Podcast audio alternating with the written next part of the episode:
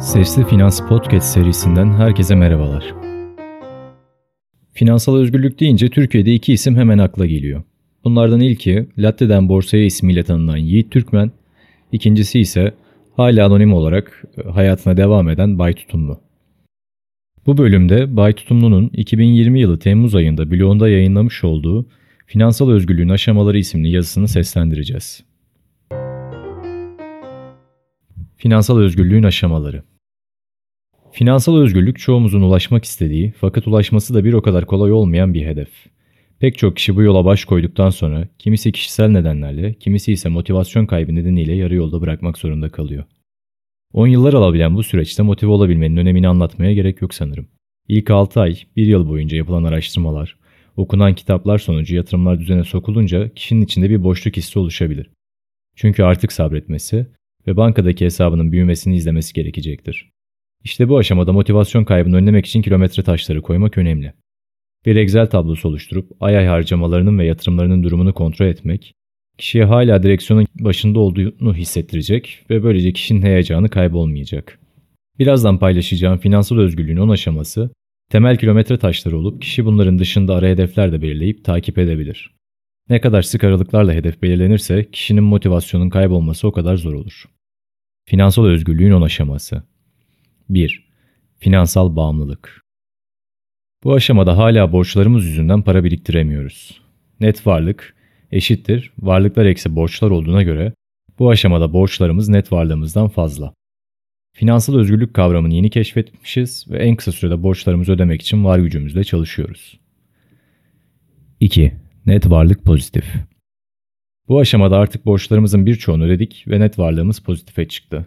Hala öğrenmeye, kitap okumaya ve yatırım konusunda kendimizi geliştirmeye devam ediyoruz. Henüz yatırıma başlamadık çünkü öncelikli hedefimiz yüksek faiz ödediğimiz borçlarımızdan kurtulmak.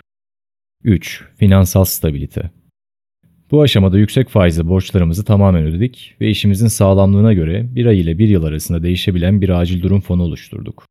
Bunun amacı işimizi kaybedersek yeni bir iş bulana kadar bize yetecek miktarda para biriktirmek.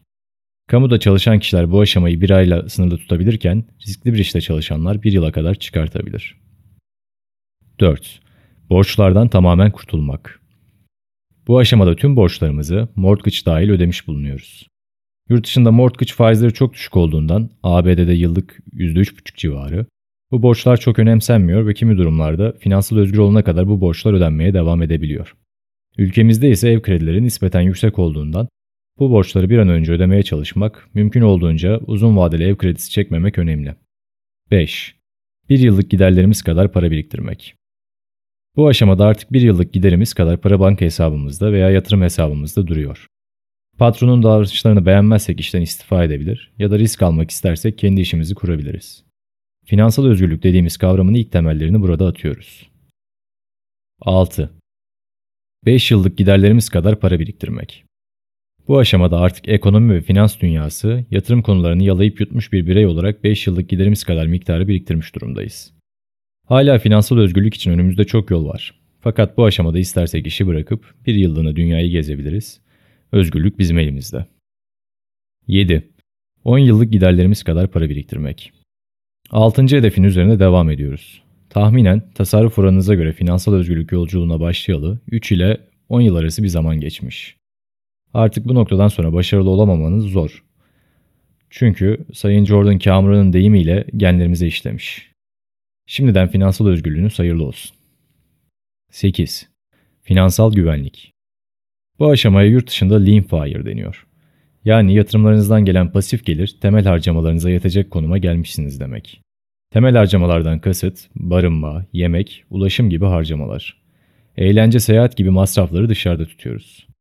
Bu aşamada isterseniz işinizi bırakıp yarı zamanlı yan işler yaparak geçinebilir, isterseniz hiç çalışmayıp harcamalarınızı piyasaların durumuna göre azaltıp arttırarak yaşamaya devam edebilirsiniz. Rakam olarak verecek olursak, yıllık harcamaların 15 ile 20 katı arası diyebiliriz. 9. Finansal özgürlük. Bu aşama hepimizin ulaşmak istediği ana hedef olarak yıllık harcamalarımız kadar miktarın pasif gelirlerimizle karşılanmasını ifade ediyor. Bu pasif gelir, temettü, tahvil getirisi, kira getirisi olabilir. Bu aşamada artık ister çalışmayı tamamen bırakıp emekliliğin tadını çıkarabilir, İsterseniz ise keyif amaçlı istediğiniz işle uğraşabilirsiniz. Kar amacı gütmeyen organizasyonlarda gönüllülük yapabilir, tarım ve bahçeyle uğraşabilir, yelkenliyle dünya turu bile yapabilirsiniz. Kısacası, the world is your oyster. 10. Finansal bolluk. Bu aşama opsiyonel fakat yatırım kararlarınız isabetli ise portföyünüz siz yaşlandıkça büyümeye devam edecek ve bir yerden sonra artık tüm ihtiyaçlarınız karşılandıktan sonra bile paranız artacak. Bu aşamaya finansal bolluk diyoruz. İsterseniz bu parayı bağışlayabilir, isterseniz değişik lüks alışkanlıklar edinebilirsiniz. Finansal özgürlük yolculuğunuza başlayalı ne kadar oldu? Siz hangi aşamadasınız? Okuduğunuz için teşekkür ederim. Bay Tutumlu